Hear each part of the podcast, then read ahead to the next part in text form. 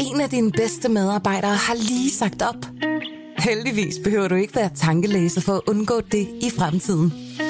WinningTemp indsamler data gennem hyppige og anonyme medarbejderundersøgelser, så du lettere kan mærke pulsen på dine medarbejdere og støtte der, hvor der er behov. Kunder som Alfa Laval, Orkla og Volvo bruger allerede WinningTemp og ser, at det øger trivsel, reducerer turnover og hjælper med at fastholde talenter. Få gratis gennemgang allerede i dag på winningtemp.com. Berlingske. Hvornår hørte du første gang om Emilie Meng? Det gjorde jeg stort set samme dag, som hun forsvandt. Øhm, jeg var lige taget på tre ugers ferie og befandt mig nede i et sommerhus nede på Falster.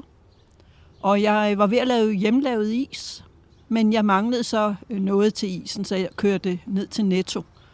Og da jeg sætter mig ind i min bil, så går radioavisen i gang. Politiet efterlyser nu denne pige, den 17 Og så siger de, at der er en 17-årig pige, der er forsvundet fra Korsør station. Korsør station, hvor hun var ankommet til efter en bytur i Slagelse. Hvad tænkte du i den situation? Det løb mig faktisk koldt ned ad ryggen, og det gør det faktisk også nu, når jeg fortæller om det. Jeg synes, det var mærkeligt. Det her er Janette Vincent Andersen.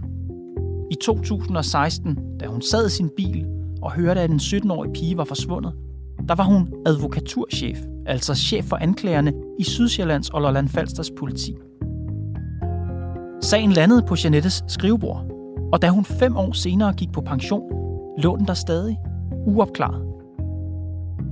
Nu, næsten otte år efter drabet, er der måske en afslutning i sigte. For mandag fremlagde anklagemyndigheden et anklageskrift mod en 32-årig mand, der er tiltalt for drabet på Emilie Meng og for overgreb på to andre piger.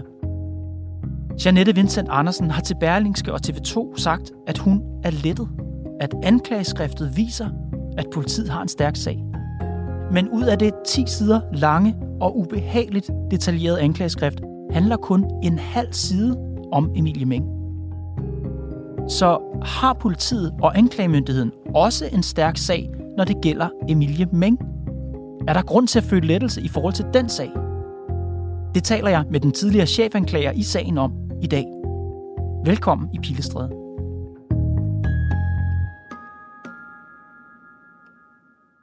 Du sagde før, at du fra første gang, du hørte om den 17-årige pige, synes du, det var mærkeligt? Hvad var det her, der på en, som om der er en eller anden, jeg ved ikke, om det er måske for, for langt ud at sige 6. sans, men der er et eller andet i dig på det tidspunkt, som siger, der er noget helt galt her. Ja, Hvad altså, jeg ved det ikke. Øh, Jeg kunne bare mærke sådan en dårlig fornemmelse og tænke, uff, hvad er nu det?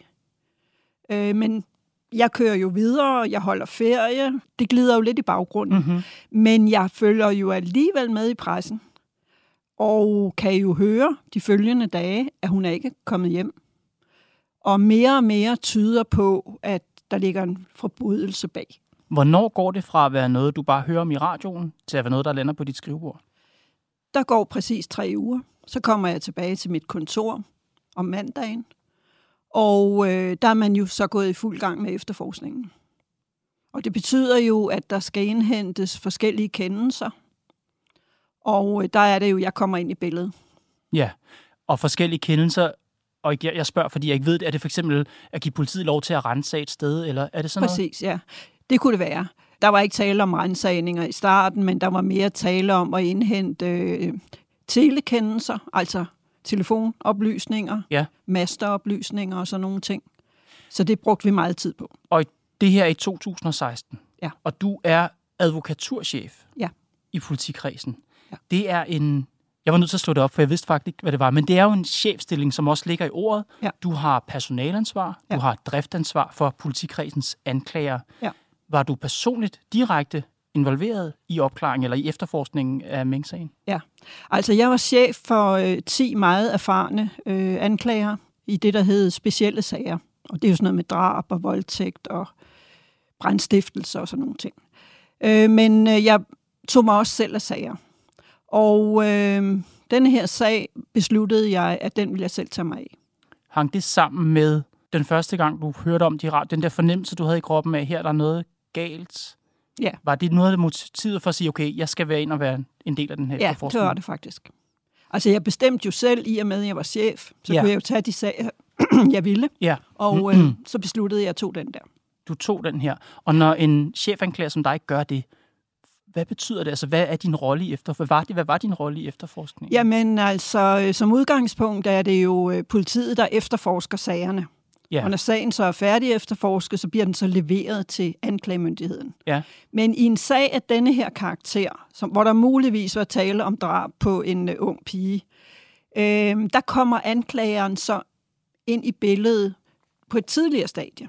Og fortæl mig om det, fordi du ved, jeg er lægmand, jeg har sådan en forestilling om, at det er sådan, der er vandtætte skotter her. Altså, det politiet skal efterforske, og så til sidst leverer de et eller andet op til en, til en anklager, og så sidder anklageren og kigger på det og siger, duer eller duer ikke, groft sagt. Det er, Det virker her, som om der er et mere et samarbejde. Fortæl mig om det. Ja, altså det der, du øh, sk- beskriver, det er udgangspunktet i langt de fleste sager. Men i en sag af denne her karakter, og navnlig når man er en person, som jeg er, øh, mange politifolk har jo undret sig over, hvor meget jeg egentlig blandede mig i efterforskningen. Men jeg har altid gjort det for at få den bedst mulige sag at præsentere for retten. Er det en del af din jobbeskrivelse, at du godt må blande dig i sager?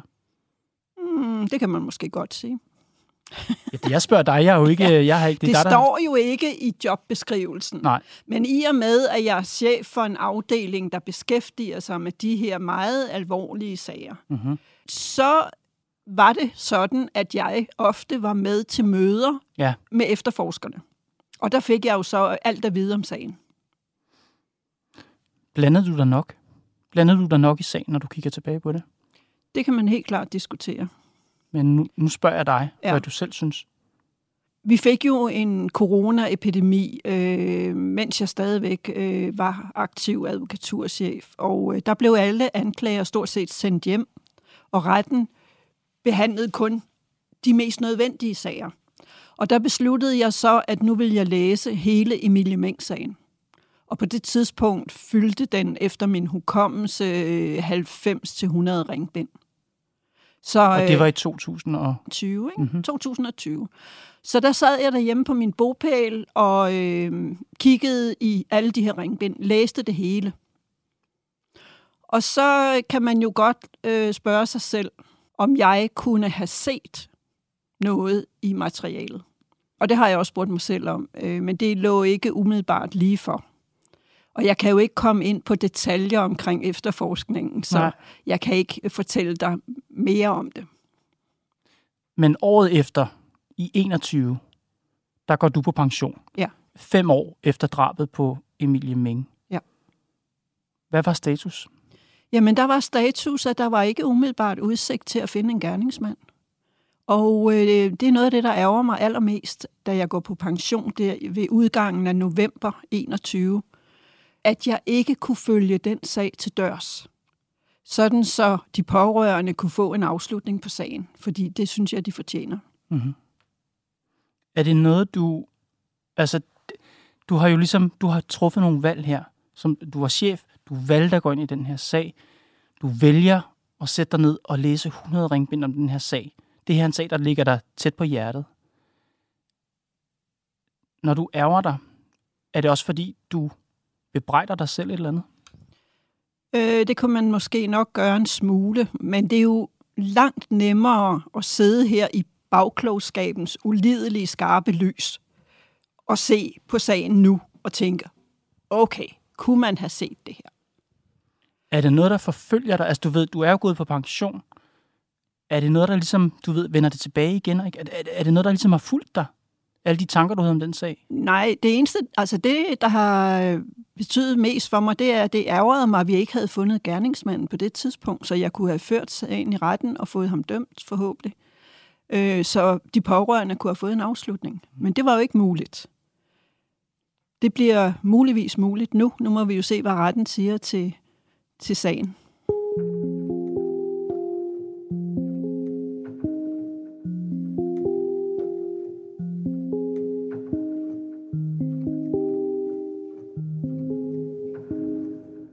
Mandag fremlagde anklagemyndigheden så et anklageskrift mod en 32-årig mand. Det var et anklageskrift for Sydsjælland og Lolland Falsters politi. Det handler om tre ganske unge ofre, og et af offrene er endda blevet dræbt. Og han er blandt andet tiltalt for at frihedsberøve, voldtage og dræbe Emilie Meng.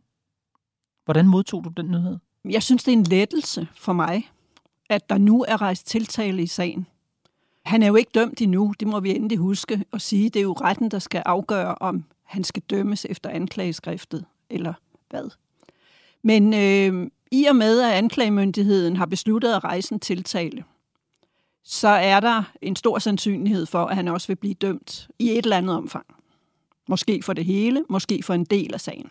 Hvordan, hvordan modtog du nyheden om anklageskriftet, Jeg har læst anklageskriftet, inden Og- det blev offentligt? og øh, jeg må indrømme, det er, nu har jeg været anklaget i 40 år, det er en af de mest alvorlige sager, jeg kan komme i tanke om. Og det, jeg er nysgerrig på, og det tror jeg hele, alle der hører det her er, det er, hvorfor du føler dig lettet. Du føler dig lettet efter at have læst anklageskriftet. Hvorfor? Og jeg føler mig ikke lettet efter at have læst anklageskriftet. Jeg føler mig lettet over, at der er rejst tiltale. Okay. Fordi når man læser anklageskriftet, så bliver man, øh, jeg ved ikke rigtig, hvad jeg skal kalde det, øh, man kan se, øh, hvor alvorlig sagen er. Og bliver måske, man bliver faktisk måske lidt forskrækket over sagens omfang. Det er meget svært lige at finde et ord for, hvad det var, jeg følte, da jeg læste anklageskriftet. Fordi det er altså øh, meget alvorligt. Ja, jeg har også læst anklageskriftet. Øh, og jeg har ikke 40 års erfaring ved anklagemyndigheden, men øh, jeg synes, det var meget, meget ubehageligt. Det synes jeg også. Det, jeg er nysgerrig på i det her interview, det er, om der er noget af det her anklageskrift, der egentlig berettiger, hvad skal man sige, en følelse af lettelse eller en følelse af håb for, at den her sag, altså specifik sagen om Emilie Meng, kan, kan finde en afslutning. I det interview, du har givet med Berlingske, Mm. der hæfter du dig ved nogle ting i anklageskriftet, som jeg gerne vil gennemgå med dig. Ja. Du siger for det første, det her er et meget detaljeret anklageskrift. Ja. Prøv at beskrive det. Jamen, øh, der er nogle anklager, som skriver kortfattede anklageskrifter, fordi man ved som anklager, at man skal føre bevis for hver lille detalje, man har skrevet i anklageskriftet. Og hvis der er en detalje med, man ikke kan føre bevis for, så kan det måske betyde, at tiltalte bliver frifundet. Måske. Og det skulle jo nødig ske, når man har brugt mange kræfter, dels efterforskningsmæssigt og dels fra, dels fra anklagemyndighedens side på at lave et anklageskrift og føre en sag. Så kan- jeg forstå dig sådan, at det er faktisk et større... Altså jo mere man lægger ned det anklageskrift, jo mere satser man egentlig også. Ja, det kan man godt sige. Man skal i hvert fald have for øje, at man skal føre bevis for hver, hver lille detalje i anklageskriftet. Men jeg kan godt forstå, at de har lavet et øh, detaljeret anklageskrift. Og det er der to grunde til. For det første så signalerer de, at der er en masse skærpende omstændigheder i sagen. Hvad betyder det? Det betyder, at straffen kan blive højere, end hvis man ikke påstår skærpende omstændigheder. Og uden at du behøver at gå i ubehagelige detaljer, prøv at hjælpe lytterne lidt her. Hvad er det, der er skærpende i den her sag, ifølge anklagemyndigheden? For eksempel, at øh, man har anvendt øh, strips til at binde øh, offrene og sådan nogle ting. Okay. Og det er svært at snakke om det her, fordi ja. Ja. vi kommer meget hurtigt ned i nogle virkelig ubehagelige detaljer, som jeg heller ikke har lyst til at tale om, Nej. og som jeg heller ikke synes, og det er jo en hel diskussion selv, Ja. at vi skal tale om. Men, men bare det, at der er de her mange rædselsfulde detaljer, Ja. det er Den det, anden- der gør, det, det er, dem har man med, siger du, fra anklagemyndighedens side, for at signalere, venner, her er der skærpende omstændigheder. Præcis, det er den ene del. Og når, bare for at blive her, ja. når der er skærpende omstændigheder, det er i hvert fald det, anklagemyndigheden påstår, og hvis retten finder ja, der er skærpende omstændigheder, så betyder det noget for, hvor lang straf man kan tildele. Præcis. Okay. Den anden del er så, at i og med, at man beskriver alle de her detaljer, så viser man også, at der er anvendt samme fremgangsmåde i de tre forhold mod de tre ofre. Det er det, vi kalder modus operandi. Ja, Og det det har også noget med bevisførelsen at gøre. Og der skal jeg spørge dig, i forhold til det her med modus operandi eller fremgangsmåden. Ja. Kan du læse det? Altså en ting er, at der er mange detaljer, der er en lang, og den vender vi tilbage, en lang liste over genstande, men kan du læse ud af anklageskriftet, at, at der er tegn på den samme fremgangsmåde ja. i de tre forhold? Ja, det kan jeg. Okay. Og nu kommer vi til den her lange bevisliste, Ja. som hedder bilag A Mm i det her anklageskrift. Jeg ved, det har du sagt andre steder, det er meget usædvanligt, at der er sådan en. Fortæl mig om det. Ja. Altså, her har de vedhæftet denne her meget lange liste, som de kalder bilag A. Og det gør de, fordi de nedlægger påstand om konfiskation af alle de effekter, der er på denne her liste. Så er det jo det nemmeste at hæfte listen ved. Jeg har aldrig set det før. Typisk, når man vil nedlægge påstand om nogle effekter, som har været anvendt til forbrydelsen, så skriver man i anklageskriftet, hvad det er for nogle øh, effekter.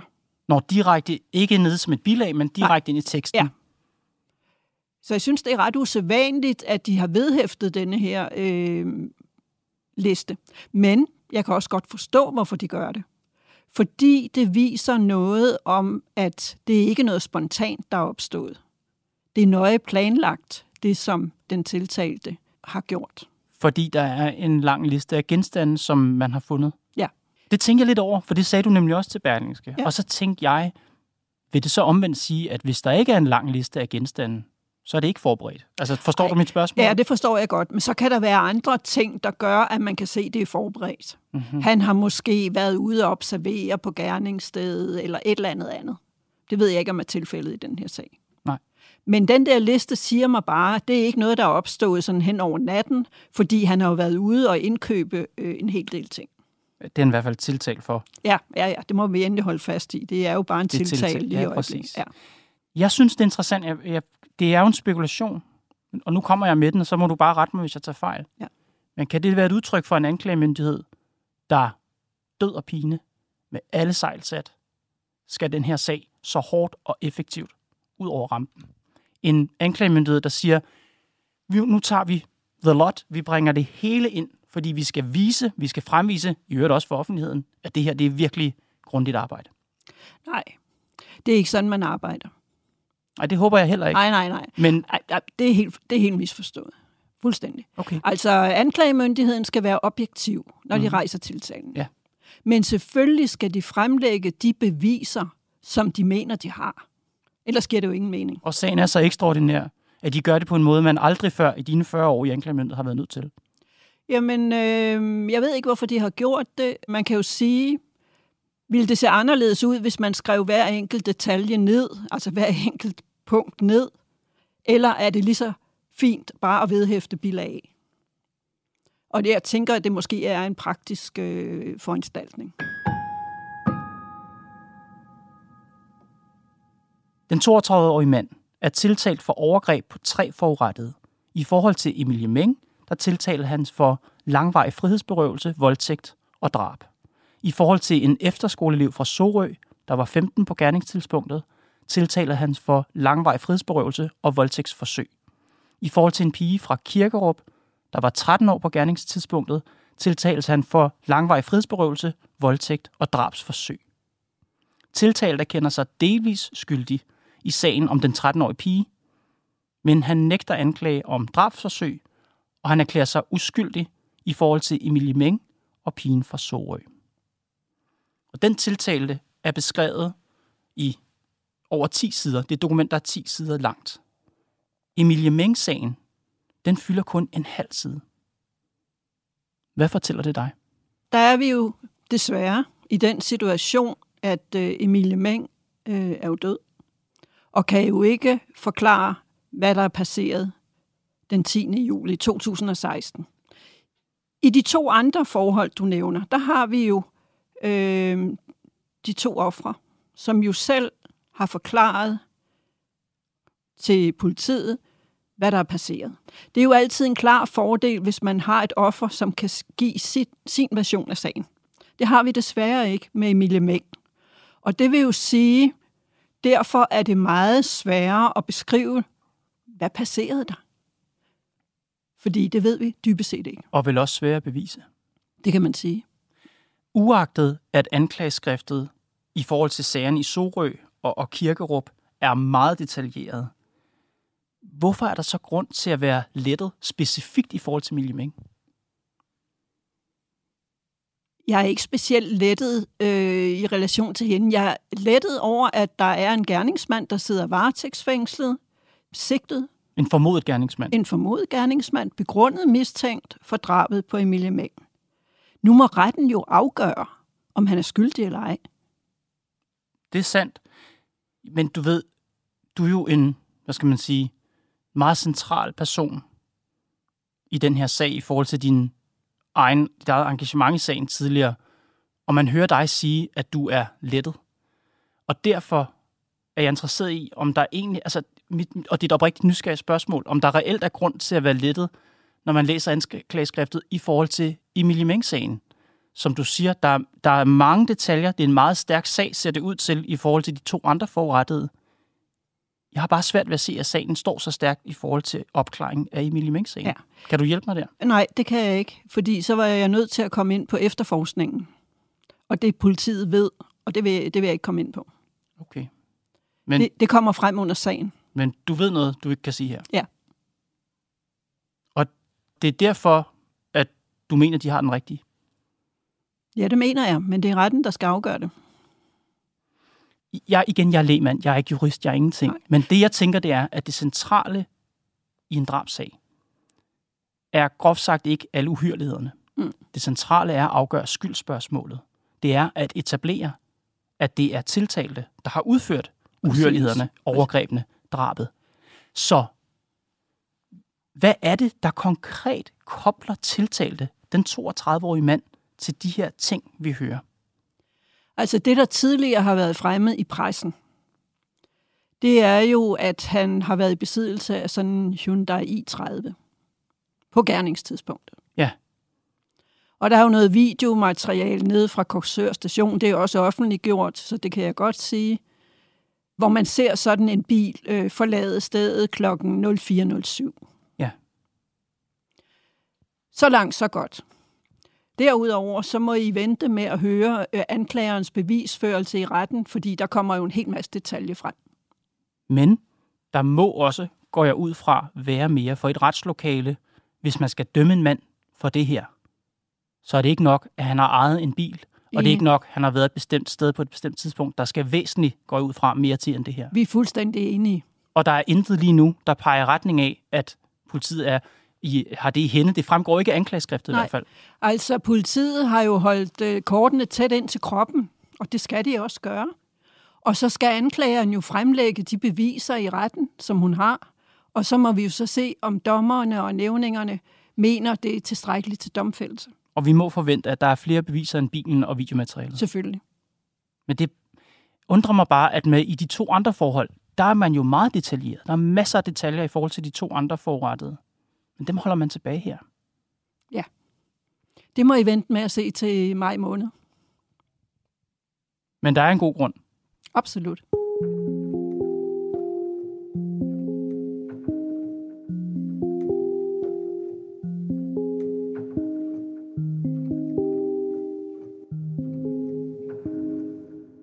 I starten af interviewet, der fortalte du, at det ærger dig. Det ærger dig den dag, du gik på pension. Det har ærger dig formentlig, hvis ikke hver dag, så i hvert fald noget, der har fulgt dig, siden at Emilie Meng-sagen ikke blev opklaret. Når du føler dig lettet, som du, som du også siger, du gør, Mm. handler det også om den kritik? Altså, for der var vidderligt meget kritik af, hvordan sagen blev efterforsket. Så når du er lettet nu, du har sagt selvfølgelig, og det forstår jeg, det er lettelse primært på familiens vegne for at få en Mm. afslutning. Er det også en lettelse over, at det lykkedes på trods af al den kritik, der har med? Ja, altså politiet har jo selv været inde på, at sagen kom forkert fra start. Det har de jo erkendt også ved pressemødet, da Kim Kliver stod frem og fortalte om, at nu var han også sigtet for Emilie Meng-sagen. Vi anerkender på alle måder de nærmeste pårørendes store sorg og frustration over den manglende anholdelse af gerningsmanden. Så det ligger jo fast, der har været noget kritik der. Og det, det har de jo ikke lagt skjul på, øh, at der har været kritik af, at sagen kom forkert fra start. Derfor er det jo en lettelse, at man nu har fundet frem til en, en gerningsmand. Altså nu må vi jo se, om retten mener, at han er skyldig. Men der er i hvert fald rejst tiltale mod en gerningsmand.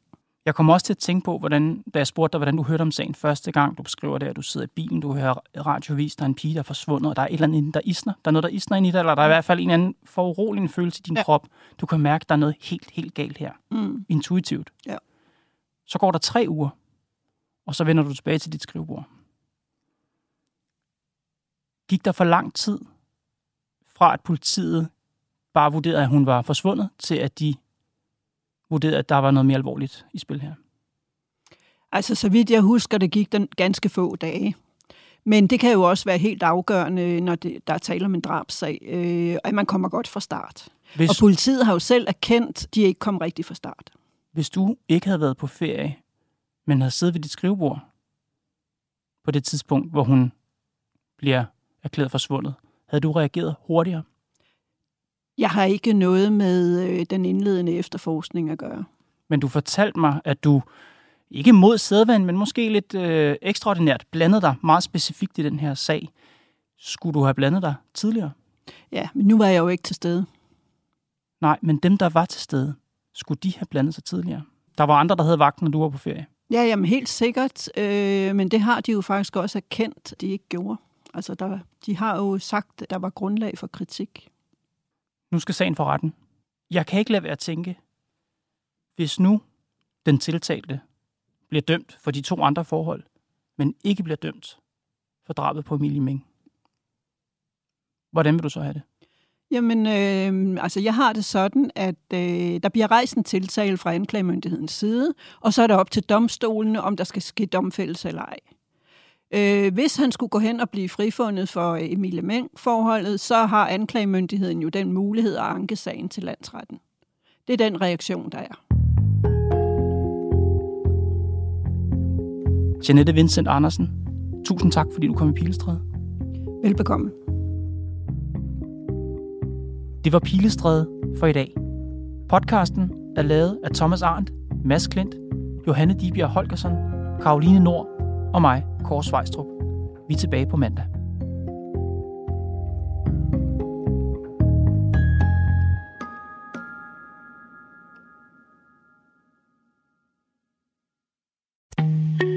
En af dine bedste medarbejdere har lige sagt op. Heldigvis behøver du ikke være tankelæser for at undgå det i fremtiden. WinningTemp indsamler data gennem hyppige og anonyme medarbejderundersøgelser, så du lettere kan mærke pulsen på dine medarbejdere og støtte der, hvor der er behov. Kunder som Alfa Laval, Orkla og Volvo bruger allerede WinningTemp og ser, at det øger trivsel, reducerer turnover og hjælper med at fastholde talenter. Få gratis gennemgang allerede i dag på winningtemp.com.